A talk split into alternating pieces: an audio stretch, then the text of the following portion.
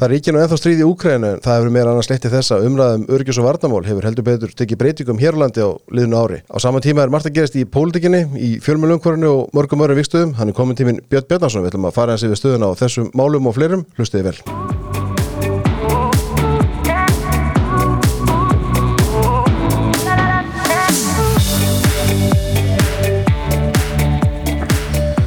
Bjarnarsson, velkomin. Takkaði fyrir Takk fyrir að koma. Það eru alltaf langt sem kom síðast. Svolítið látt síðan. Já, við þurfum að, hérna, við látum þetta ekki gerast aftur. Margt gerst. Já Sko, ég var að byrja hérna Mér langur eiginlega að byrja á því að bera undir þig hérna svona almennt ef, ef ég, ég myndist hér á að það er náttúrulega ennþá stríð í Úkrænu uh, Þú ert nú búin að koma tíminn tvisur eftir að stríðið hóst Þetta verðist náttúrulega tegja úr, þessu Hvernig erum við að meita stöðuna bara ekkert í dag? En svo maður metur stöðun í dag að þá er verið að beina aðtikla okkar allra að orustu í bakmút. Og það er verið að segja við okkur, þarna takast á, á segja núna þrýr aðilar. Það var Wagner málaliðarnir, rúsneski herrin og Úgrænuher. Og Úgrænuher sögðu menn myndi draga sér hlje en fyrir viku að þá tilkynnti Selenski fórseti við ætlum að halda áfram og þá var sagt í fréttum að markmiði væri hjá þeim að gera út af við Wagner málaliðana. Og Wagner fóringin að hann hefur hvað eftir hann að komið fram og sagt mér vantar skotfæri, mér vantar þetta og mér vantar hitt. Og líka sagt að skriffinnar í Moskvu væru að koma í veg fyrir að hans menn gætu barist, barist eins og þurftu til þess að halda lífi. Þannig að þetta er greinilega þarna, þessi þrýhyrningur, að það er greinilegt að eins og hann talar að þá séu herfóringjandi rúsnesku búin að fá nóga á honum. Og þeir vilja ekki lengur hafa neila með sér í lið ef að þannig má orði komast. Og maður velti fyrir sér er hann líka þarna að berjast eftir að ná yfiráðum yfir þessum bæjum og borgum. Þetta eru saltnámur og þetta eru alls konar auðafi í jörðu. Er hann í raun og veru að hugsa fyrst og fremst um eigin hag til þess að ná þessu undir sig? Þannig að nú segja það líka að hann sé fann að reyna að lokka uh, háskólanema og framhalskólanema í Moskvu til að koma inn í herina því að hann vanti fólk. Sé búið að loka fangelsónum fyrir honum hann get ekki lengur er sækja sækja 20.000 manna einmitt. sem hafa raunverulega verið notaðir eins og bara fattbiss og fóður í orðsins vilstumerkingu og síðan hafi núna síðustu daga hans úrvals sveitir farið það inn. Aðtikla okkar sem erum að fylgjast með þessu og, og, og lesum um þetta er be- beint mjög að þessum atbyrðum. Það virðist vera líka að stórsóknu rúsa sem var spáð að hún hafi ekki orðið og að þarna sé þetta þrátöfli og gífulegt mannfall og engin viti í raun og vera enn hvernig þessu líkur. En í stóra, stóra myndin er þetta svo að, að Putin hefur farið halloka og með býða eftir því hvaða leiðir verða farnar til þess að binda enda á stríðið. Og það sem að les... Erum við farin að horfa þangað? Já, það er farið að horfa á það því að það er verið að spyrja um það, sí og æ er verið að spyrja um það hvernig á stríðinu enda. Og það var núna, við settum inn á varberg.is viðtal við Timothy Snyder sem skrifaði bókina Bloodlands og byrtist í síðustu viku í Der Spiegel þar sem hann segir Putin getur allt í hennu líst því yfir að sér hafi tekist að komi veg fyrir innráðs NATO og Vesturlanda í Rúsland og þess vegna hafa hann orðið að berjast í Úkrænu en það verði ekki og hann reyna að breyta þessum ósýri sínum í, í sigur til þess að halda sjálfu lífi. Og það hljóti allir menn að sjá það að eh, rússar séu að velta þeir fyrir sér hvernig það er að komast út úr þessu. Sjá, Og eina leiðin fyrir okkur sem stöndum fyrir líðræð og frelsi sé í raun og veru að láta úkrænumönnum í tíu nógu mikið af öflugum vopnum til þess að rúsum sé alveg ljóst að, að þetta gengur ekki upp fyrir þá. ég ætla að koma aðeins að vopna afhendingum hérna, vestarnar ríkja til hérna, Úkræna eftir en, en sko þú, þú segir að hann sjáu ósigurinn.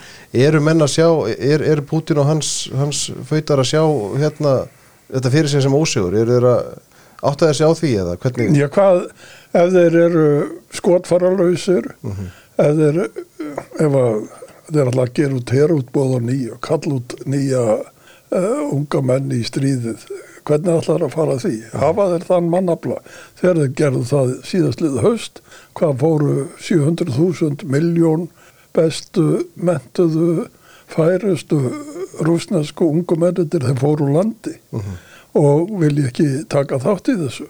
Hvaða möguleika hafa þeir á því að, að kalla út meiri, meiri herabla og hvaða vopnum ráða þeir yfir.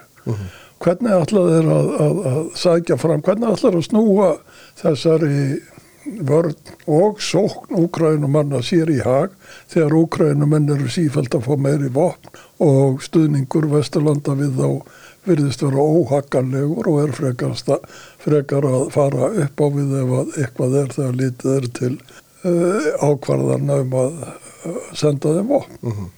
Nú er það liðið rétt rúmlega eitt ár frá því að stríði hófst og það má eiginlega segja að rússum þeim hefur ekki orðið mikið ágænt allar ég ekki neitt í námöndu þar sem að menn voru kannski að spá í upphafi áttu að vera með næstu upplöðast að heyri heimi eins og þú veist að það var talað um Eh, sko hvernig, hversu lengi geta menn vera já, mér langar að segja hjakki sama farinu, það er kannski rétt á lýsingir á, á þessum átökum en, en það er samt svolítið þannig menn þeim verður ekki mikið þeir, núna síðustu mánuðum hefur ekki hefur raunin orðið mjög lítið ágengt Þeim er ekkert orðið ágengt í hálft ár. Já, og þeir eru frekar á undarhaldi og eru þeir með 20% af landinu sem þeir voru þegar stríði byrjaði og, og þegar Selenski segir við ætlum að ná landinu öllu. Hvernig verður það og, og, og gert? Og allar hann að ná krímskaga hvað, hvernig gerur hann það og svo framvegs og svo framvegs þannig að maður geta velt því fyrir sér. Mér finnst og ég hef uh, svona uh, sagt það ofinberlega ég tel að hvert á að líta þegar mann sjá niðurstöðuna á að líta til ástansins á Kóruðurskaga fyrir eh, 70 árum þegar það var barist í eitt ár tvö ár var, var, var uh, svona skærur og, og þreytistríð. Uh 53 var síðan komist að þeirri niðurstöðu að það er eitthvað skonar vopnarlíða það, það var alltaf hægt að kalla það vopnarlíði því að vopnarlíða er náttúrulega eitthvað sem gerir líða og stríði til þess að, að bjarga þeim sem eru sárir eða stilla liði upp einhvern veginn á annan hátt.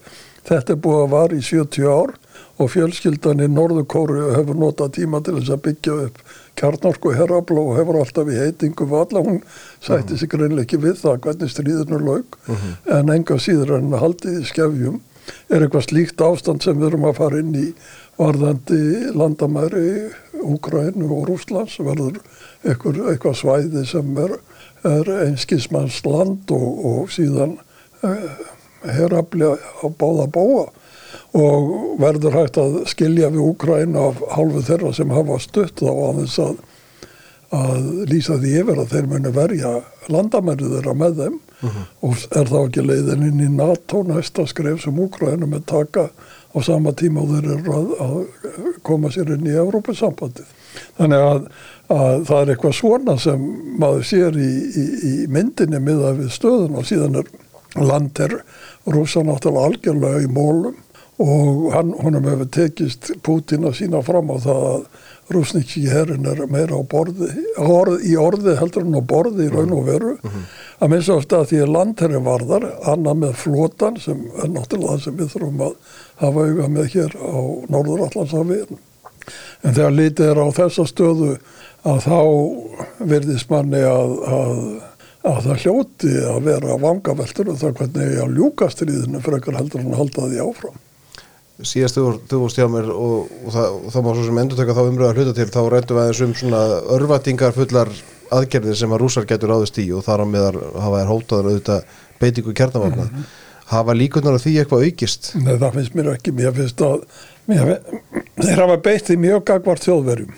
Og þjóðverjar hafa verið mjög uppdæknir af því að, að uh, þeir megi ekki gera neitt og ég halda sér til hljés af því að af því að annars verði kjartolkuvopna beitt og Þýskaland verði skotmarkið. Hann segir þarna í þessu viðtali sem ég vitnaði til áður, áðan Timothy Snyder, hann segir þessi kjartolkuhótun er marklaus kjarnorkuvopn eru til þess að nota þau ekki. Kjarnorkuvopn hafa menn til þess að, að, að, að, að vera stórveldi og, og halda í, í það ímynda þeir.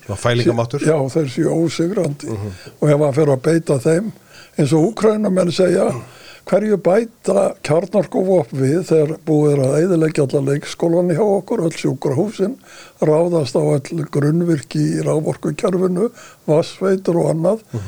Til hvers að nota kjarnarkuvopn á hvað, hvað græðir hann á því?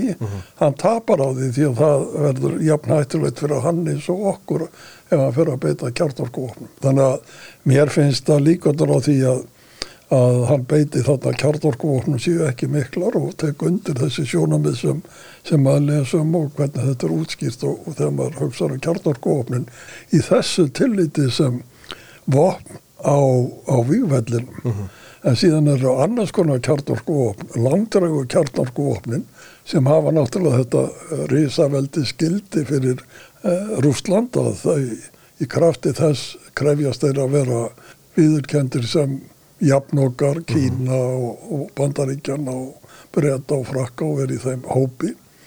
Þessi kjartorkuvopn er öll á, á kólaskaganum og öll við, við Barentshafið og, og hann hefur flutt uh, sprengjuvélarnar, langdrægu sprengjuvélarnar frá uh, miðhluta Rúslands norður á bógina því að þeir voru farnir að gera skemdarverk að vinna skemdarverk á þessum flugvöllum í miðhluta Rúslands þar sem þessar langdrægu sprengjuflugular voru og þar hafa verið fluttar norðar og kjarnarku herin í norður Rúslandi og við Murmansk og Kólaskánu við landamæri Norvegs að gildi Já. hans hefur magnast mjög við þetta saman. En efnavopn, beittu þeir nú í Sýrlandi Jú, jú, þeir, það, maður hefur ekki heyrt talað um beiti efna vopn, opna þarna, þeir hafa nú, hvað er það, tugir þúsunda stríðsklæpa sem er búið að skrá sem þeir hafa Já, þess að spyr ég sko, þá þeir, Já. þa, þann veg. En þegar stríðið er orðið svona eins og það er að menn er að berjast hús úr húsi og þeir segja jafnvel núna að þetta sé harðari barátt og heldur en var í Stalingrad og þeir sem lesum Stalingrad sjá og það hafi verið einhver ókveðlegust átök frá húsi til hús sem ma mann kynna hafi kynst og þá er þetta náttúrulega einhverja lýsingar og það sem menn eru bara að fara fyrir húsotn og drepa hvort annan að allir þeir að gera það með efnavopnum. Einmitt. Að þessum stuðning Vesturlandaríkja, við komum að sína það áðan en, en sko varandi hérna, þá í formi vopna og þjálfunar og, og fjármáls og fleira uh, hvað er líka mörkin að því, sko ég rætti það að setja við Kristján Jóhannesson, samstagsmenn minn á morgunblæðin þetta daginn, að það að láta úkrænum minnum vopni tíu eru auðvitað afskipti af stríðinu af vissu leiti og rúsar auðvitað geta tólka það sem bein afskipti. Sko, þú þekkir alþjóðapólitíkina mjög Hva- hvað líkur hún í þessu? Er, er, er, eru þjóðverjar og fleiri vestran ríki með því að afhenda úkrænuminu vopn orðin beinir þáttingatur í stríðsátökum? Þeir eru ekki eitt beinir þáttakandur í stríðsátökunum en þeir eru náttúrulega stuðningsaðili annars aðilans. Þeir eru ekki Já, ég áttum á því, en eru mörg þetta milli svona gagvart rússónu, sko, því rússónar hafa hótað því að þetta sé, séu bein afskipti? Á meðan ert ekki Hvað hafa rúsa dreigið mörg rauðstryk í þessu máli? Og, og, aldrei hafa þau duga neitt til þess að hefta þá sem vilja styðja úkrænumenn. Þannig að þetta má segja að, að láta menn hafa jeppa sér annað heldur en láta hafa skriðdrega og láta hafa skriðdregar annað heldur en láta hafa orustu þútur og láta það að hafa uh, eldflögar sem fara þrjá kilómetri annað heldur en sem fara 300 þannig að þetta er allt spurningum ákveðna taktík og stigmögnun en í eðli sínu er það sami hluturinn. Og ef að það er sa- sagt sem svo að að, uh, að það sé mark, væri sagt sem svo að það sé markvist unnið að því að hálfu Vesturlanda láta Úkrænumennum við tíu vopn sem beinlinis eru til að árása yfir landamæri Úkrænu inn í Rúsland og þá ég komið enn eitt uh, þrepið. En uh, eins og ég sagði áðan Putin getur snúið þessu þannig að hann sé ekki að berjast uh, og, og Lavrov sagði í, í, nýju deli og daginn það var leið að honum Já, að, að þetta væri stríð Vesturlanda þar sem þeir notuðu Úkrænumenn sem, sem uh, málarliða fyrir sig til þess að lemja rúsum og þetta þeir var að verjast innrás NATO og Vesturlanda þar sem uh, úkrænumenn varu bara peða á skákborðinu og, og er það að gjalda þess. Ég menna svona geta með talað það var nú grein í þínu blaði morgunblaðinu eftir rúsnarska sendaherran í þessum dúlíkum daginn og, Já, já. og við höfum að trúa því sem stendur þar en það sem betur fer vona ég engin trúi þessari vittlis og þetta er ekki svona. Við vitum það að rússar lítið þannig á að þeir gætu á þremur dögum lagt undir sig Úkrænu og það bara rann út í sandin og við erum einu ári síðar og kannski búið að fella hvað 200.000 rúsneska herrmenn og segjum 100.000 úkrænumenn og 14 miljónir úkrænumenn að hafa orðið að yfirgefa heimili sín annarkvort flust innanlands eða til útlanda og við getum haldið svona áfram að lýsa þessum gífurlegu hörmungum sem orðið hafa út af þessari störlun í þessum manni. Eitt sem ég ætla að fá að skjóta þetta inn í og spyrja út í törnum svo aftur um, um vestrannuríkina eftir eh, hérna, þetta er þetta stríð um, eh, þetta er þetta áróðustríð líka og að því að minnast á ummæli Lavrov. Sko, nú er Lavrov engin vittlisingur veist, og það að fara til nýju deli og tala um sko, þetta sem einhver, einhver varnartaktik hjá þeim þessu að verjast innrás hann auðvitað veit betur en sko trúa rúsar því alvörinu að þetta bull þeirra, svo ég segi það bara beint út hafi áhrif á fólk hvernig þeir tala, hvernig þeir setja hluti fram þú, veist, þú myndist á grein sendi herrans ég meina þeir, þeir, þeir bulla út í eitt við vitum það öll en trúar þið sjálfur að þetta sé svona það? Já, ég held að hann hafi á Índlandi var hann náttúrulega í hópi ríkja það var að gefa 20 ríkin en þar eru indverjar og þar eru kynverjar og þar eru brasilíumenn og indonesar, ég man ekki hvaða ríki þetta eru.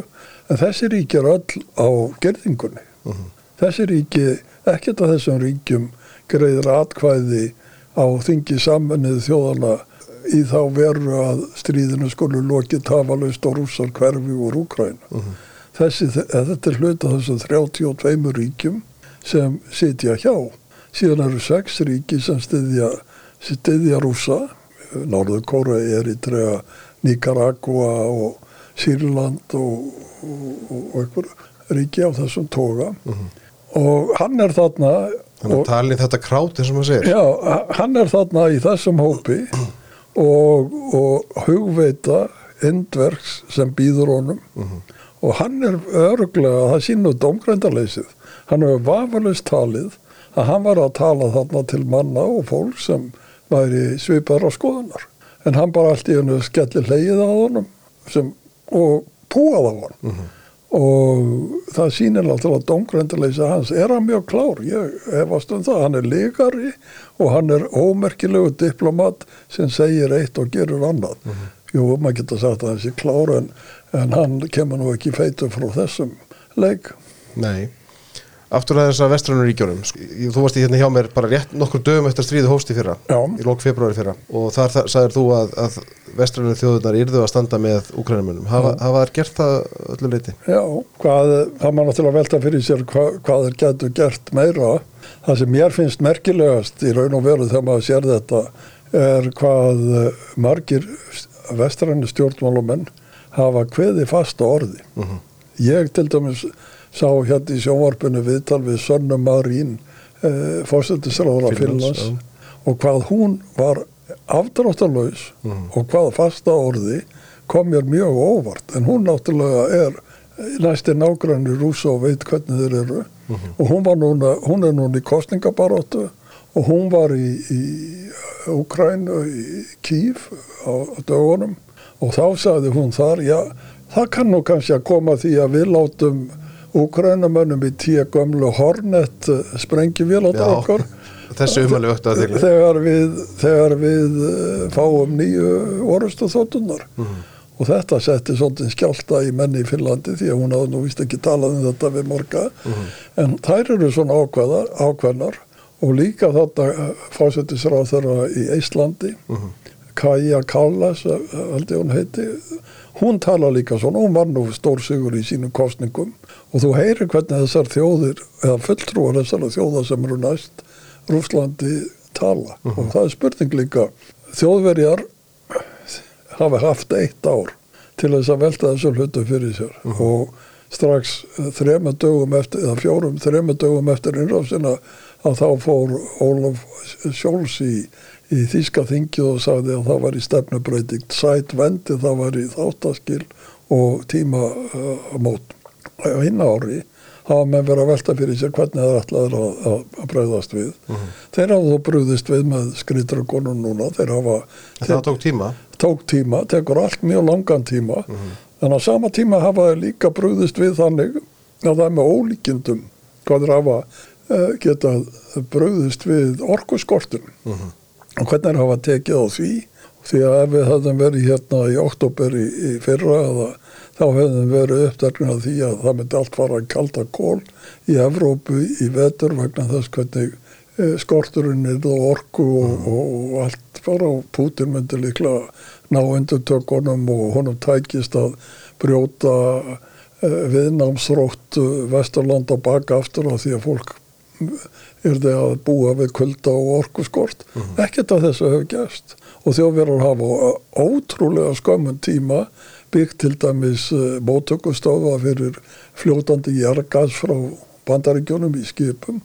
Og, og, og, og normenn hafa komið í stað rúsa sem staðstu gasbyrgjar uh, Þíska, uh, Þískalands og þetta hefur gerst stig af stigi og algjörlega afsannað þá kenningar sem menn voru með fyrir jólinn og síðastlið haustum að, að það væri hætt á því að Evrópa myndi hætta að standa baki þeim sem vilja styðja Úgræn menn að vóta við að það færi svo illa fyrir þeim sjálfum. Þetta er eitt af því sem Já, við erum við veltum þessu upp hérna í, í samtal okkar, síðastu fórstu um mér hvort að sko þegar að er, er þið kalt í Evrópu í vetur, hvort að líka bara almenningur myndi, hversu lengi en það hefur ekki gerst og voru komið þá fyrir að hlýna. einmitt. Þetta, þeir hafa komist í gegnum það og fyrst að komast í gegnum þannig vetur og þá, þá verður þetta ekki vandamál fyrir Evrópu en þetta verður vaksandi vandamál fyrir Putin því að hann er náttúrulega búin að missa sinn besta markað. Þetta er eitt af því sem hann hefur spilað úr höndunum á sér. Segjum sem svo að stríðunni ljúki sem er auðvitað mikil ef og hefði pæling en, segjum að því ljúki á næstu mánuðum hver er þá staða rússa í alþjóðarsamfélaginu eftir það? Já, það er góð spurning.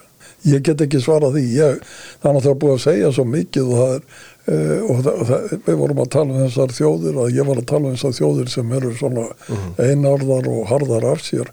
Þær er munu ekkit sætta sig við það að það verði ekki settur og, og, og laggirnar dómstól sem takið þessa menn fyrir. Og ef það þarf sér dómstól og þá verður hann uh, stopnaður þannig að, að Þannig að það er ekki bara skrifandi vopnarlíf og farið heim? Það held ég ekki. Hva, en, og, það, spurningin er líka þessi hvernig ætla Pútín að, að samfæra menn á heimavelli um það að hann eigi að sitja áfram eftir þessar uh, hörmungar. Og þá segja menn hér við okkur á Vesturlandu þið skulum ekki vera að velta því fyrir ykkur því að þið fáið bara annan miklu verri. Það kemur ykkur annar miklu verri og var ekki þessi uh, ég kemni Vagnar maður að lýsa því að hann ætlaði að vera að fórsetta í. Úkræn Úkræn, hann ætlaði að vera að fórsetta í Úkræn sem menn er náttúrulega algjörlega út í, út í heimikemnum bara. Ég ætla aðeins að færa umræðan að hinga heim af því að ég nefndi hér upp að, að, að þetta er náttúrulega til þess að kannski umræðan um örgis og vartumál hefur auðvitað breyst á einhverjum árum. Já, á liðin ári segi uh, Núna kom út í síðustu viku bók eftir Arnón Sigurðarsson fyrir undir skristofu stjóra í vartamála skristofu Utreikisvansins sem að hérna var nú einn af þeim sem stopnuðun og sérsveit ríkislökustjóra í mann rétt og þekkir þessi máli mjög vel. Og hann er raunin að skrifa bó, bókin ber titilin Íslenskur her, breyttur heimur, nýri veruleiki. Uh, þetta er ekki stóru mikil bók en hún er mjög áhugaverð og það er náttúrulega verið fjallað um hana. Og, það- og það er verið fjörmjölu um, um þessa bók og það sem hann er að segja henni. Stjórnmálmenn hafa sv- svarað einhver leiti mér langar til að ræða þetta aðeins. Hann er auðvitað að leggja það til að við stopnum einhvers konar her, forma fer hér á landi. Hann er að segja það að við getum ekki útvistað okkar öryggismálum. Já, eins og við höfum gert. Eins og við höfum gert. Og við gerðum það náttúrulega bandaríkjumenn voru hér komið hér 51 og fóru 2006 og síðan Mhm. hefur verið ákveðið svona millibils og tómarum og, og menn hafa verið að velta fyrir sér hvernig þetta yrði til frambúðar og, og enginn bjóst við því að það myndi vera skapast ástand sem við erum að stríði í Evrópu, hver hefur talað um það? Hverjum átti vona á því, en það er og þá velta menn því fyrir sér hvernig á að bröðast við. Arnur hefur haft þess að skoðun lengi, hann hefur viðraðan áður og ég þekk hann frá fornum fari og við erum góðir kunningjar og, og, og 1995 að þá flutti ég ræðu sem var í svona svipuðum dúr og þetta, hann gengur hins vegar miklu lengra því að hann uh, dregur alveg upp hvernig hann sér þetta fyrir sig. Uh -huh. Það sem ég saði í minni ræðu 1995 og, og fekk svona afgræslu eins og sem er alltaf afgræða hans bók núna, já þetta er bara eitthvað sem við þurfum ekki að tala um uh -huh. Og þannig var viðbröðin þá líka þegar ég sagði það að við ertum að búast við því að við þurftum sjálf að, taka ábyrð á okkar eigin öryggi, við gætum ekki vænst þess að aðrir var alltaf reyðubúin til þess að leggja alltaf á mörgum sem þurfti til að tryggja öryggi þórinnar og tók tölur eins og Arnár gerir og sagði við höfum efna á þessu og þetta er ekki efnahagslega okkur og þungbært. Það sem hann gerir, hann gengur lengra því að hann eh, tekur núna þessa 2% tölu sem var samþýtt af NATO hvað 2014 í Veils og, og okkar þáverandi fósættisræðra Sigmundur Davík Gunnlaugsson satt á þeim fundi er Ísland undir það sett eða ekki það má velta því fyrir sér mm -hmm. en ef við lítum þannig á að við séum skuldbundin til að fara í 2% af okkar landsframleyslu og, og útgjöld til varnar og öryggismála mm -hmm. þá segir Arnar þetta eru 66 miljardar og fyrir 66 miljardar er þetta að gera þetta sem hann lýsir í bókinu og ég ætla ekki að fara í sögumar á því því að það eru taknilega atriði sem, sem hann uh, kann og, og, og fer yfir þetta er það sem hann er að segja mm -hmm. Í, í, í grunninn, síðan veldur hann fyrir sér ef að við, ef að við viljum ekki fara þessa leið og fara eitthvað annar hvað við að gera við landrikiðskessluna hann er eins og starfsmenn auðarikisraðalindi sem sérum með það að og hann vil stopna varnamálróðandi mm -hmm. og taka varnamálun út úr auðarikisraðalindinu og setja það í sérstakta ráðaneyti og þetta sérstakka ráðaneyti þá að bera ábyrð á á, á, á, á þessu varnaliði sem hann uh -huh. uh, færir hann að rauk fyrir. En við erum ekki í þessum heimi. Við erum núna í þeim heimi að við erum með landrikliskjæslu, við erum með auðarrikisraðaneyti, við erum með dónsmánraðaneyti og, og landrikliskjæslan heyrir undir, undir dónsmánraðaneyti. Uh -huh og það hafa verið Landriksíslan, bara þar fyrir að hlustundur áttu sá því það er svo stofnum sem sinnir samskiptu við heri annar ríkja Já, heri annar ríkja mm -hmm. fer með gæsluna á öryggisvæðil og kjapleikulhulli mm -hmm. Sér um daglega rekstur á ratsjárkerfunum og þegar það eru flotar sem koma hingað og þá eru landriksgæslumenn tengiliðurinn gagvar þeim mm og taka þátt í alls konar æfingum og öðru slíkum með, með, með, með okkar samstarfsjóðum. Það kom út skýsla í fyrra, mennur og gerðnir að ræða um skýslu ríkisendur skoðunar og það sem í þeim stendur.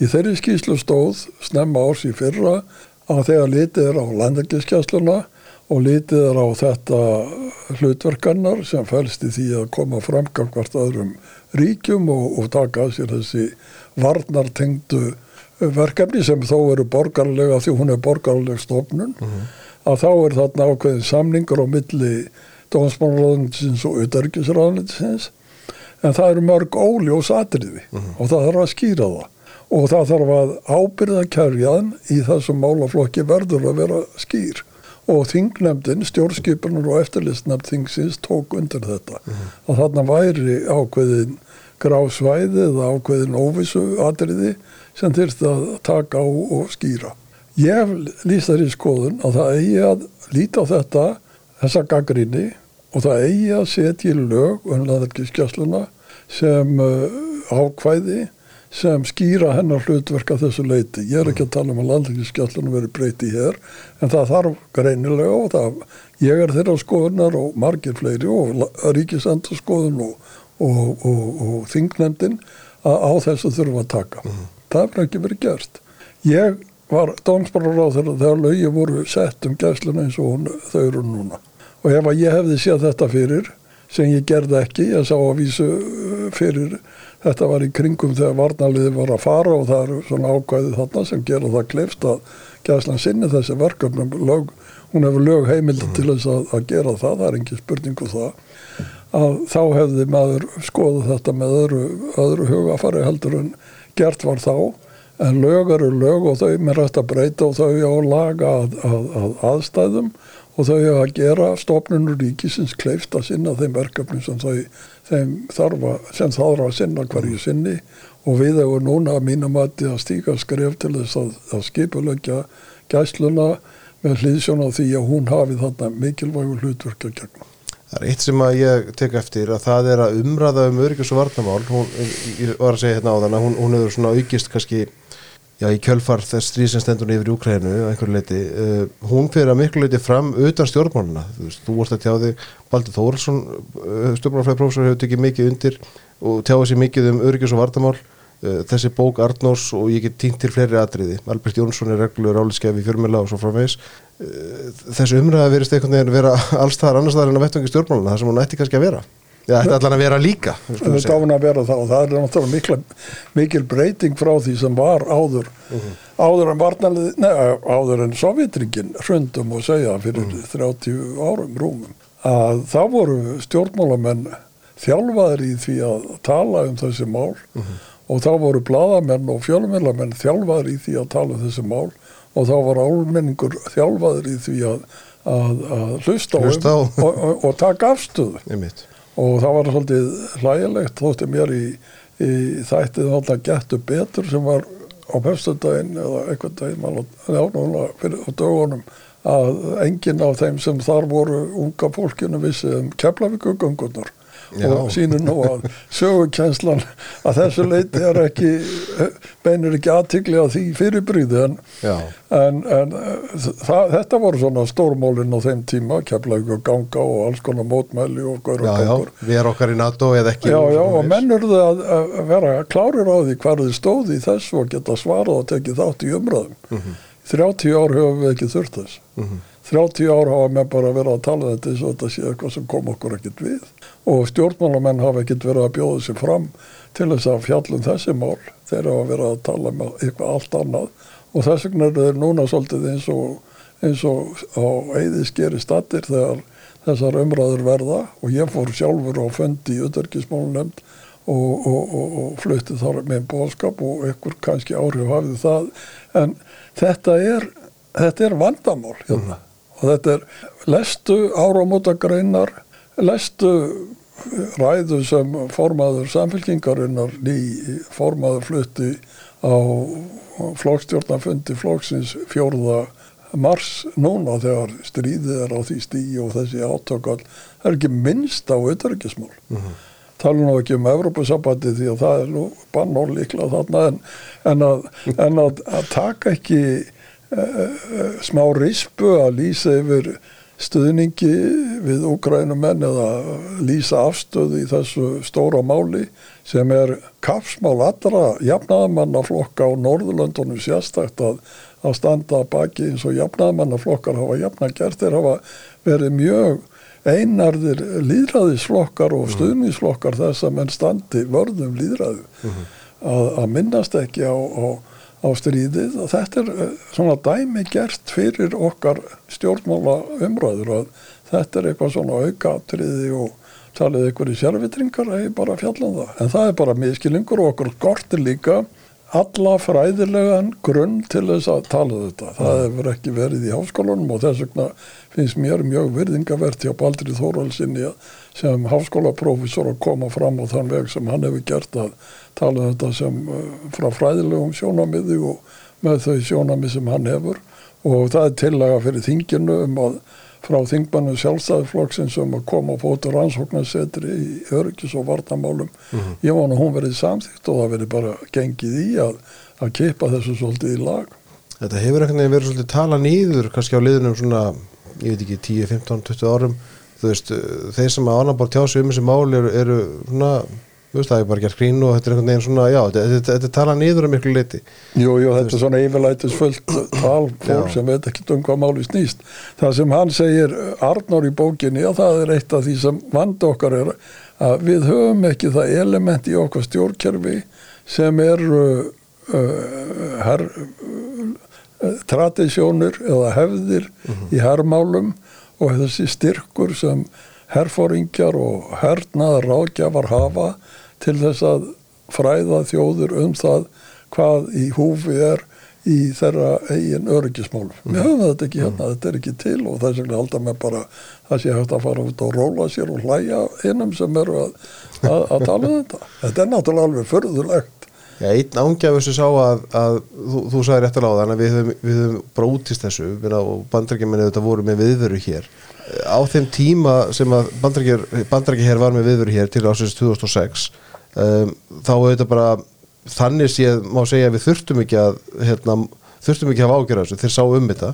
Hefur það kannski leytið þess að við höfum heldur ekki að ég, sko, ég er að greina mér á milli þess að útýsa varnamálunum sem slíkum og annars er að meta varnaþörfina við hljóttum alltaf að þurfa að gera það sjálf. Þar að segja að meta varnaþörf landsins eða allan hafa vitað í hver hún á að vera og hvernig á að meta hana Ég tel að við höfum nú gert það á þessum árum á meðan bandaríkja hér, hér var það voru, eins og ég sagði á þann það voru stöður umröður um þetta mm -hmm. og þeir sem stóðu að baki stefnunni um aðild Íslands að NATO og varnarsanningu í bandaríkin þeir höfðu náttúrulega rauk fyrir sína máli og, og rættu þetta og það voru lögð á borðið alveg sjónamið um hvers vegna þetta var nöðsynlegt efnisleg sjónamið mm, mm. og það var starfandi hér örgismálun nefnd í tíu ár frá 1980 til 1991 Já. það sem menn sátu og voru gefnar út rittgerðir og, og, og, og rannsóknir gerðar og annað slíkt þannig að það er ekki hægt að segja að þetta hafi ekki verið rætt og mm. niðurstaðan var alltaf svo og síðan 1993 eftir að varnaliði fór þá var sett á laginnar sérfræðið nefnd sem ekki eh, af leikmönnum á segja meða við herrfræðing annar staðar en þessi nefnd að hún skilaði áliti í mars 1993 já það er rétt að núna 30 ár síðan mm. að hún skilaði áliti og hún sagði það er ljóst að þrátt fyrir að Sovjetrikinn séu sögunni þá er það varanlegir hagsmunur Íslands að vera áfram í allarsasbandarleginu mm. og eiga varnarsamstarfi bandaríkjum. Þetta lág alveg skýrt fyrir og var rannsakað og gefin út þessi skýsla. Ég var meiri sig í þessari nefnd á mm. sínum tíma og við fórum uh, til bandaríkjan og fórum uh, um allt og, og, og, og söfniðum gögnum og raukstötu þetta og lögðu þetta fram og ríkistjónin hún laði blessun sín yfir það ekki slíkt hefur verið gert núna og ég vísum á að segja þjóðarörgistefnan en þjóðarörgistefnan þegar hún er skoð hún tekur ekkert á þessu eins og þarna var gert í, í, í, í ljósi hernaðalegs örgis Já það er alveg það sem ég ætlaði að vísa til sko ef við horfum kannski svona tíu ára aftur tíma núna að það hefur ekki verið við veit, er einhver stjórnkjörnum sem veit það hvað þarf til að uppfylla vartanþur landsins? Já það lítur að vera, þú sér nú var ekki svarað eitthvað, morgumblæðinu var ekki frétt hjá ykkur um helgin eða eitthvað að, að það væri eitthvað en það er ekki bara skýrst frá því. Mm -hmm. Já, já, en þetta er sko, eitt kannski viðbótt hinn þessu, það eru viðbröð stjórnmálamanna við bók Arnós og kannski bara þessar umræði yfir heild, maður sér að bæði fórsýttisráður og auðriksráður hafa svona já, voru kannski svolítið fljótar að sláta út á borðinu? Það er hefði ekki gert það, hvað þá? Já, þær hefur vantilega þurft að taka um pólitísk slag, við áttum mikið á því. Já, þá hefur náttúrulega þurft að, að segja þær verður rauðbúin til að skoða það, mhm. -huh. en þær verðast ekki vera það. Mhm. -huh. Það er, þar er svona ákveðin punktur sem við standum frammefyrir og sem er mjög merkilegt í raun og veru. Á stríðstími í Evrópu að menn bara segja eitthvað að við séum einhvern veginn á öðru róli heldur en aðrir. Já, en þá líkur heldur ekki samt fyrir hvern, hvað við ætlum að gera? Nei. hvernig við ætlum að sinna, svona, sinna okkar málum og, og finna að vera með herrlaus. Já, já, já. Og verðum það sjálfst áfram. Me, með gesta hér í hér öðru kóri að sinna loftvartar eftir þetta en, en, en hvað svo, það er svona Já, býtunum við, en það er má ekki gleyma því að núna er mesta endur nýjun og uppbygging á keflagufljóðli uh mhm. -huh. á þessum uh, þarna hernaðlega þætti hans mhm. -huh. sem orðið hefur í 40 ár mhm. -huh. það er ekki, það var ha, það, það er að gerast mhm. og það gerist alveg bara markvist það verður að breyta vellinum það verður að, að laga hann að nýjum aðstæðum en hverju að þarf enginn að gæta daglegs örgis á þann veg að það sé hernaðlega gert, það er spurningi sem og það er það sem Arnar eru að segja og það er það sem Baldur eru að segja og það er það sem menn eru að segja, heyrðu, við erum að tala um að geti myndast eitthvað millibil mm -hmm. á milli þess að ef að, að komi okkur til aðstofar einhverjir, hverjir ætla að brúa það bil? Hvernig ætlum við að brúa það bil þetta er spurningin og ef við erum að reysa hér geymslur færanlegar stjórnstöðvar og ég veit ekki hvað þetta er sem allt sem er að gerast á kjörlugflöðli að þá er spurningin og hvað svo? Hver á þetta að standa þarna bara í bómull eða hvernig hvað, mm, já, já. já, já, og það er náttúrulega frum skilda allar stjórnvalda að, að sinna öryggi sinna borgara, þannig að þetta lítur nú að vera eitthvað sem að Jó, þetta er náttúrulega liður í því að styrkja okkar öryggi en það þarf kannski, það er ekki nóg að segja A, það verður að segja B og C. Kannski eitt þessu teint svona en við sleppum þessar umræði ég var svona ekki blund på þetta, það er bara staðan á norðurslóðum og svona staðan norður hérna, á þessu svæði í kringum okkur eftir þetta, ég meina að þú nefndir að hann rústanski flótin er nú hann er ennþá öflugur að einhverju leiti þú veist, ég meina, eru, eru við að sjá einhverja breyttar aðstæður í kringum landið næstu árum? Hvað, það sem hefur gerst að við lítum á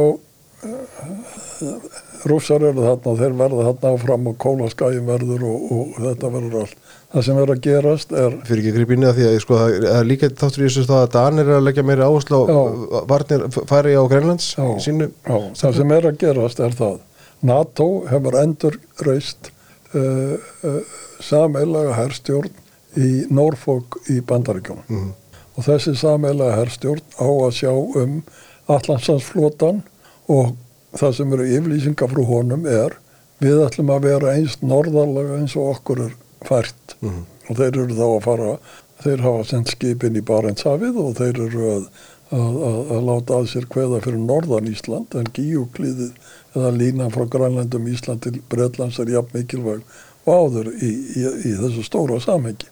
Þetta er að gerast og ég er vissum að þeir eru að gera ykkur áallanir og þeir eru nýlega uh, hafa nýlega tekið til starfa með formlegum hætti og þeir eru að gera áallanir sem mörgur koma meðal annars inn á borð íslenskra stjórnvalda og þau þurfa að, að breyðast við. Sama tíma hafa Norðurlandin fjögur sem eiga herafla ákveðið að samræma sínar her áallanir og varnar áallanir og þeir hafa uh, lagt fram hugmyndir um sameilega herstjórn. Og þeir hafa líka sagt uh, liðsauki sem kemur frá Norður-Ameríku til uh, Varnar Skandinavíu skaga hann mun vera settur á land sem nýrst í Noregi hugsalega í Njárvík eða eitthvað staðar þar. Og hann mun ekki aðeins vera nýttur til Varnar Noregi heldur verður hann líka sendur til Svíþjóðar og Finnlands sem aldrei hefur verið áður á því að þeir hafa verið fyrir utan þetta. Þannig að við sjáum að fyrir norðan okkur verður uh, Allandsafs uh, herstjórnin og líka þessi norræna herstjórn. Og þessir bá, báðir aðlar munum síðan líta til Íslands og velta fyrir sér hvert alla hva, hvaða hlutverk að Íslendingar að gegna til þess að tengja þetta saman og vera þáttagöndur í þessu? Hvernig ætla Íslendingar að koma að þessu? Og hvernig viljum við koma að þessu? Því að norræna vittin í okkar varnamálum hefur aldrei verið jafn skýr eins og, eins og núna. Norður-Atlantsas vittin er skýr. Og svo koma norðurslóðinnar alveg að fullum þunga sem verður kannski áhrif að svæði rúsa og kynverja þannig að þetta er það sem við stöndum frammi fyrir og verðum að bröðast við og, og Þetta eru stóra spurningar sem þarf að svara Já, þetta eru stóra spurningar eða að vera þáttakandi í að móta svörin. Mm Eigum við að bara býða hún til eitthvað kemur og spyr? Eigum við ekki að leggja okkar á mörgum? Eigum við ekki að rannsaka hver, hvernig við viljum hafa það og hvernig við viljum stíga þessi skref en ekki að býða eftir að það verður komið til okkar og sagt, nú verður það að gera þetta, nú verður það að gera hitt. Og á sama tíma eru Danir að byggja upp á Grænlandi og í Færöjum og, og, og, og og sjá hlutverð sitt kannski í öðru ljósi núna heldur en áður eftir að bandaríkja með fóru frá Íslandi. Þannig að, að þetta er, og svo breytar, breytar eins og sér kannski að, að þeir hafa gefið út stefnum hlutverk sitt á norðurslóðum og þeir, það var tilgitt núna í, bara fyrir nokkrum dögum að þeir ætlaði að setja upp herstöð í norður Noregi, æfingastöð sameil uh, fyrir fastar æfingar breskra uh, hermanna.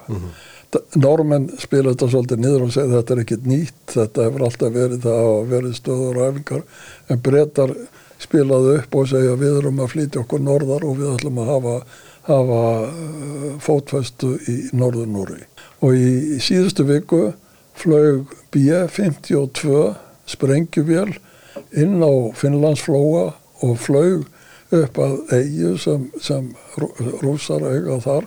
Og finskir ráðamenn segja að þetta var strategist fælingar bræð af hálfu vinn okkar bandaríkja manna til þess að sína rúsum hvað þeirra býður að þeirra haga sér ekki vel. Mm.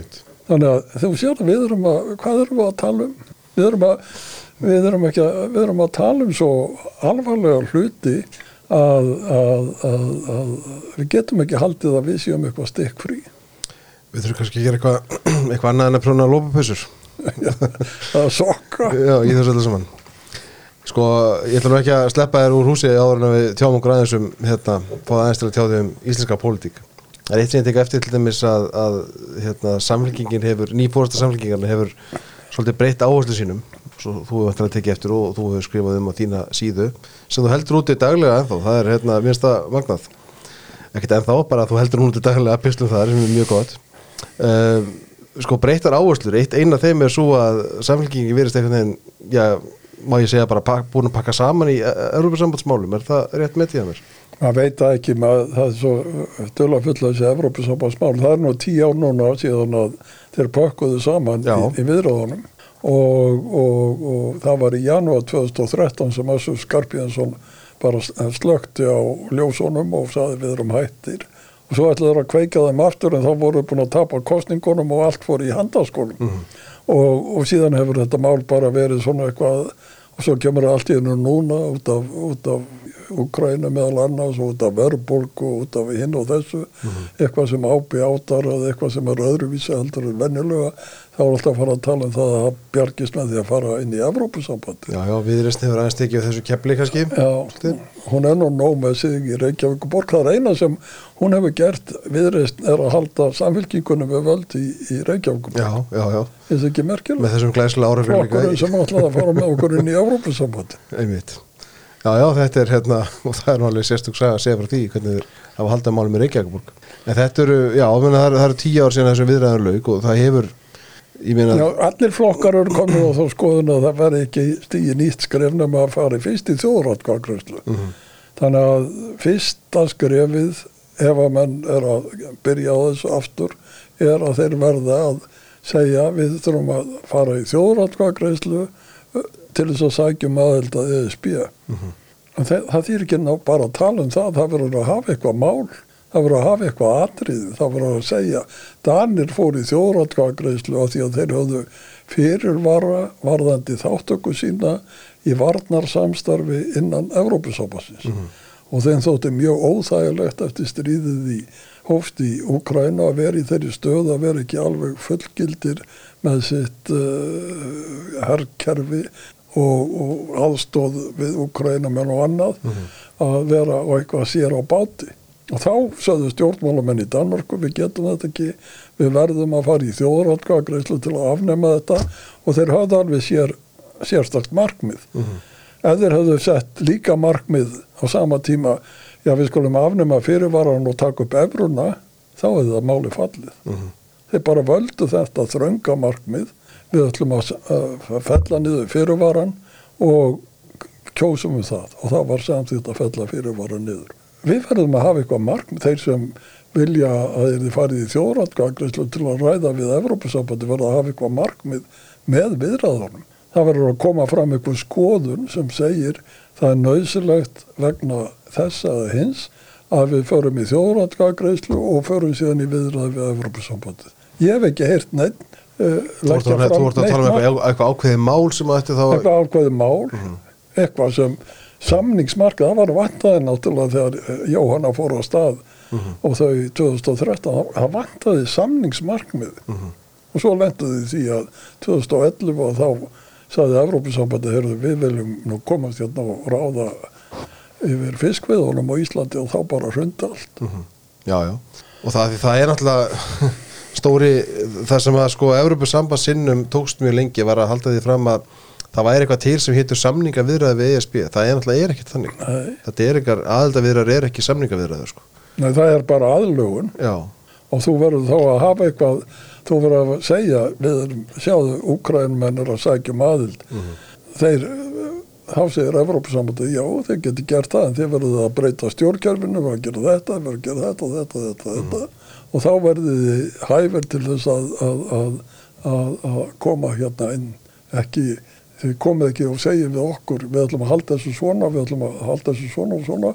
Nei, þeir verða að, að, að, að laga ykkur að okkar kerfið. Og það sama gildur um okkur. Og við á ýmsum sviðum stöndum við vel í því tilliti samveli á markarnum og á mörgu tilliti en það eru líka punktar sem við hins vegar viljum ekki sætt okkur við og, og, og, og, menn verða þá að segja er þeir tilbúnir til þess að slá af og laga sig að þessum kröfum Evrópusambansins. en umræðum EES-mál, hún hefur ekki verið mikil Nei, hún hefur ekki það, verið það mikil sé að hún núna síðustu alltaf upp- mánuði, hún var mjög mikil fyrir tveitrum árum aðalega kringum kannski orkupakkamálin Jú, jú, en ég menna menn geta fundið svona mál alltaf til að tala um. Það er nú spennandi að sjá hvað gerist í þessu máli með lofslagsmálin og flugið. En, en Evrópusambandi er náttúrulega ekki, EES samningur gengur ekki út á það að, að, að eiðilegja atvinnugreinar hverjá öðrum. Mm -hmm. EES samstarfi gengur út á það að finna lausnir sem eh, falla að samningnum og samkomulæginu þannig að markaðurinn fái að þróast og, og dafna og, og þetta eru spurningar um, um aðlaganir og, og, og eins og í samningum svona eins og málamiðlanir þetta er ekki, við erum ekki að, díl, ekki að eiga þarna við menn eins og eblingu til dæmis. Við erum ekki að það er enginn sem kemur enginn sástasemjari sem kemur og leggur frá miðluna til og einmitt. Það er ekki hægt að, að líta þetta sem slíkt mál. Þetta er öðruvísi mál þar sem menn þurfa að hafa góð rög og setja þau fram á, réttum tíma. Mhm. Eitt af þess að ég veit að þú fylgjast vel með, það eru fjölmiðlar, hafandi verið fjölmiðlamæður sjálfur og síðan ráþeira fjölmiðlamála Já. sem mentamarraðar á sínum tíma. Og sko það, það maður færa tilfinninguna því að það var umfjöldunni morgunblæðin núna um helgina um, um stöðu fjölmiðla og þessi umræð á sér stað reglulega. Og það er mikið rætt um vanda engareikina fjölmiðla og svo framvegis. Maður fær alltaf svolítið á tilfinninguna að stjórnbálamenn séu að koma alveg nýjir að borðinu þegar rætt um fjölmiðla, það er alltaf einhvern veginn svona mennum alls konar vangaveltur um hitt og þetta en það gerist ekki neitt ríkisútarpið bara stækkar og svo orðið auðvitað orðið náttúrulega gífurlega teknimbreytingar við erum auðvitað hérna, haldið út á okkur fjölmjöli hér bara með því að gefa tlaðvarp, þú ert með þína vefsíðu skilgringa fjölmjölum hefur auðvitað breyst eh, einhver leiti er, er ríkið að fara einhvern veginn að eða ríkisvaldið getur ríkisvaldið sagt bara pass eða á það að segja pass eða hvernig horfur þetta við þér? Mér finnst þetta voðalega hættulegt ástand ef að menn sé að býða eftir að ríkisvaldi segja eitthvað. Það bara, það segir ekki neitt. Það er búið að býða í mörg ár og það gerist ekki neitt og það er alveg furðulegt að, Nú talaðum maður móta fjölmiðla stefnu. Að fjölmennar stefna, já. en ég menn er ekki spurningi þessi núna á að láta skatt uh, frelsi gilda fyrir söma sem eru hér á auglýsingamarkaði? Eða á að setja reglur sem tryggja að, að þessir eh, aðilar sem taka auglýsingar á Facebook og öllu þessum miðlum að þeir borgi eitthvað til samfélagsins. Er þetta ekki einn spurningin? Og þetta eru nokkra spurningar sem menn eru að velta fyrir sér til þess að skapa innlendum fjölmiðlum svigrúm, engareknum og náttúrulega við erum með ríkisútvarpið sem er náttúrulega svo umsuga mikið og, og, og tröllvaksið á okkar markaði að það sjá náttúrulega allir að það verður aldrei neitt jafnvægi, það skrítið á samkeppniseftiliti sem er að, að fjalla um uh, majónis skulu ekki sjá hvað þannig erum að, að, að vera í raun og veru því að þetta er náttúrulega svo yfir þyrmandi e, misvægi á, á þessu markaði. Það er ekki, og, og maður vil ekki horfa á það neitt. Og, og, En það er enginn sem hefur sko pólitiska dugnaðin eða hugur ekki í það að taka á því annað fyrir liti. Já, menn þurfa náttúrulega að koma sér saman um einhverja, stefnu uh, að því leiti að Ég tel að skynsanlegast að væri að, að ef að ríkið á að láta að sér kveða og, og mennur að velta fyrir sér menningar þættinu sem er mjög mikilvægt að þá sé að hafa eitthvað sjóð sem styrki menn til þess að framleiða menningarlegt útvarsöfni. Þetta er mikið af efninu sem ríkisútvarpið er greinlega klassist því að þeir eru alltaf að endurflytja efni frá 2005 eða 1999 og svo framvegis og þetta er klassist efni sem þeir eru að búið til en, en það verður ekki mikið nýtt búið til þegar, þegar þannig er að málum staðið hjá aðila sem hefur hvað, 7 miljardar til.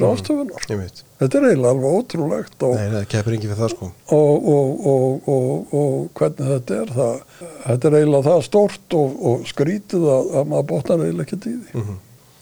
Eitt árið sleppi er, þú hérna, þú, þú veist eftir að því ég sá varst að skrifa á, á síðunniðinni um, um hérna, um fyrirlestur Áslöðar Örnu Sigurbjörnsdóttir á innþingi sem var fram í síðustu viku. Þar var hann Já, þú varst þar, ég sá það að þú skrifaður um það. Já, hérna, hún fjallaði þar meðal hans um mentamál og, og dróðu upp svona, hérna, ég nota þau orða að það hefði slegið þögnarsali þegar hún hilt sína reyðu sem að það gerði að því að hún svona varpaði fram svolítið sláandi tölum um, um stöðu háskólana uh, og ég er að spyrja þig út í þetta þegar þú varst á einu svona hérna, mentamálraðara. Eitt af því sem að við kemur háskólanum er svo kallar reikni líkan og því, það, því hefur ekki verið breytt í mörg ár sem hefur áhrif auðvitað á sanginshefnið þeirra almennt. Sko, það var lagt upp með einhverja stefnu hérna í háskólamálum fyrir einhverjum árum og það verist einhvern veginn vera að kemur það óvart hvað háskólanir eru ítla stattir í dag Reiknilíkani var til þegar ég var metamálröðra. Það búið að vera til í 25 ár. Og það... Ég er ekki að kenna þér um stöðu háskólana Nei, ég meina, ég tek það ekki heldur til mín þannig, ég get ekki búið ábyrð á því, en mm reiknilíkani var til og reiknilíkani var meðal annars grundvallur því að það var hægt að stopna hérna frjálsa háskóla, ef ég má orða það svo, eða háskóla sem ríkið Já, já. raka ekki. Og það var grundvallurinn er sá að þú reiknar út hvað kostar að veita ákveðin nám og þú lætur peningana fylgja nefndan.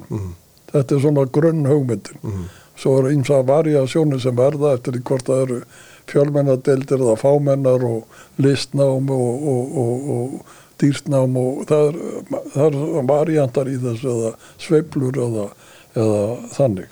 Það sem hún segir og kom fram er það að, að reiknilíkani var tekið úr sambandi held í 2016 og það var kannski líka hafði verið, því hafði ekki verið haldið við sem skildi. En ég skil hann á þannig að hún sé ekki að bóða að reiknilíkanni verði afnumið, heldur að það verði uh, uppfært ef að þannig má orði komast og sami grunnur lagður að baki og þar var gert sem ég tel að sé mjög mikilvægt. Og það var annars vegar voru þessir peningar sem fóru eftir reiknilíkannu og, og, og, og runnu til háskólana og hins vegar var síðan lögð áherslu á samkeppnisjóði til rannsókn og vísinda. Og það var opnað á meistaranám og það var opnað á doktorsnám. Og þetta, ef þú opnar ekki á meistaranám og doktorsnám og þá ná, ná háskólandir sér aldrei upp. Doktorar hafa útskrifast mjög margir en það er mjög sérkennilegt ef að háskólanir uh, lækka síðan í einhverju, einhverju, á einhverju listum hjá, hjá matsfyrirtækjum sem er áhyggjafni og það er fleira sem kom fram líka þarna í tilöfna þessum fundi og hefur komið fram að Ísland hefur líka neðstu stöðu í netöryggismálum. Já, já. og, og, og þá erum við bara þá erum við að tala um tölvurnar okkar og annað slíkt að við séum alveg heita á, ég veit ekki í hópi hvaða ríkja við erum í raun og veru þegar lítið til netöryggismála. Og maður velti fyrir sér hvað hefur gerst hvernig hefur þetta geta gerst að, að þjóð sem er jafn netvætt og, og tæknavætt og við að hún stendur svona illa örgi sínu í þessu máli og uh, þjóð sem er jafn, hafði jafn góð tækifæri til þess að, að halda háskólinn sínum á strík upp á við allt í unnu dettu svona niður.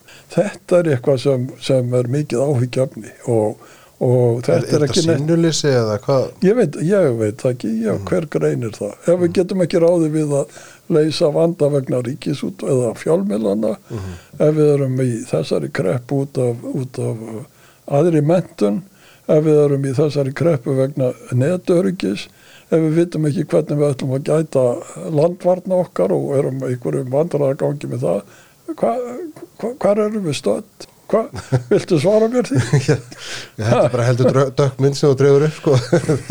Já, ég meina, getur verið kannski að stjórnbólinn séu bara alltaf að einbytta sér að einhverju sem að það fæ- færi of mikil tími að skipta sér að málum sem að skipti, skipta minna máli eða, eða ræða mál sem skipta minna máli. Já, fylgstu með umræðum á þingjur Já, já, sjáðu það- um hvað það verður að rífast. Sjáðu um hvað það verður að rífast. Það verður að rífast um einhverja skýslur og, hvort að þessi eða hinn skilji einhverjum skýslum og einhverju sem engur skiptir í raun og veru þegar rættar um þjóðarhag en kann kannski að vera til þess fallið að sverta mannorð einhverja einstaklinga sem er verið að ráðast á út af einhverjum plöggum sem já, eru frá einhverju 2018 eða breyta engu í samtímanum. Og síðan á sama tíma þá heyrum við þessa lýsingar á því hvernig tekist er á við henn brínu úrlausnaröfni til þess að þjóðfélagið þókist áfram. Já. Ég meina, mér finnst þetta mikil þverstaða í þessu. já, já, það er það heldur betur Ég meina, það fekk reynilega of mikil tími í eitthvað bull Það er bara, Nú sjáðu umræðunar um, um, ég meina, málþófið um þriði orkupakka. Mhm. Hverju skilaði það? Málþófið um útlendinga uh, lögin, hverju hefur það skilað? Mhm. Og þetta allt þetta tal um, uh, um ríkis uh, endurskoðun og, og einhverjar uh, skýslur.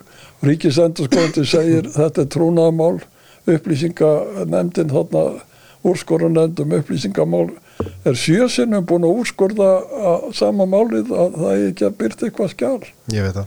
Og, og, og, og, og þetta eru svona höfumálun á þingi Já, það, þetta er þetta bara skemmtilega pælingar þegar maður veldur þetta líka fyrir sér og eitt af það sem maður ræðir reglulega bara hvernig stjórnmálinn þróast.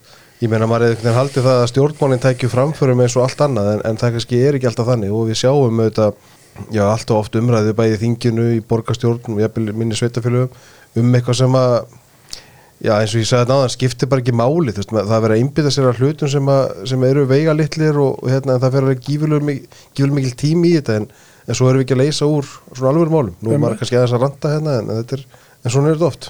Það er ekki allir eins og við, svona klárið eins og við.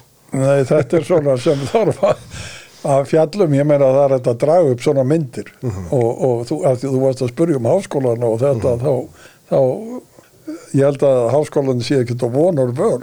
En ef það er samanburður og menn eru að bera saman að á hvað á að leggja áherslu? Við getum borið saman við sjáarútvegi sem stendur fremstur í heimi og engi stendur okkur á sporði þar en hann er aðal árásarefni hér. Já, já, já, og það er bara að talið að það sé eitthvað, voðalegt að gerast hjá þessum velreknu og, og, og, og öflugu fyrirtækjum. Erum við að tala um réttur hlutin að, en þetta er náttúrulega það sem við vorum að tala um áðan það er svo mikið á halvu hins opinbera. Og er það opinbera hér of stórt á ekki að útvista ykkur af þessu sem við vorum að tala um. Er ekki nöðsynlegt að, að sleppa hönd ríkisins af mörg af þessu og gefa einstaklingunum frelsi til þess að njóta sín og ná þeim árangri sem þeir ná frekar heldur hún að treysta á að, að ríki leysi úr öllu þessu vanda. það eru ágætt sloka orð Björn Björnarsson, takk fyrir komuna. Það, við látum ekki líða svona langt þá þú kemur aftur. Takk fyrir.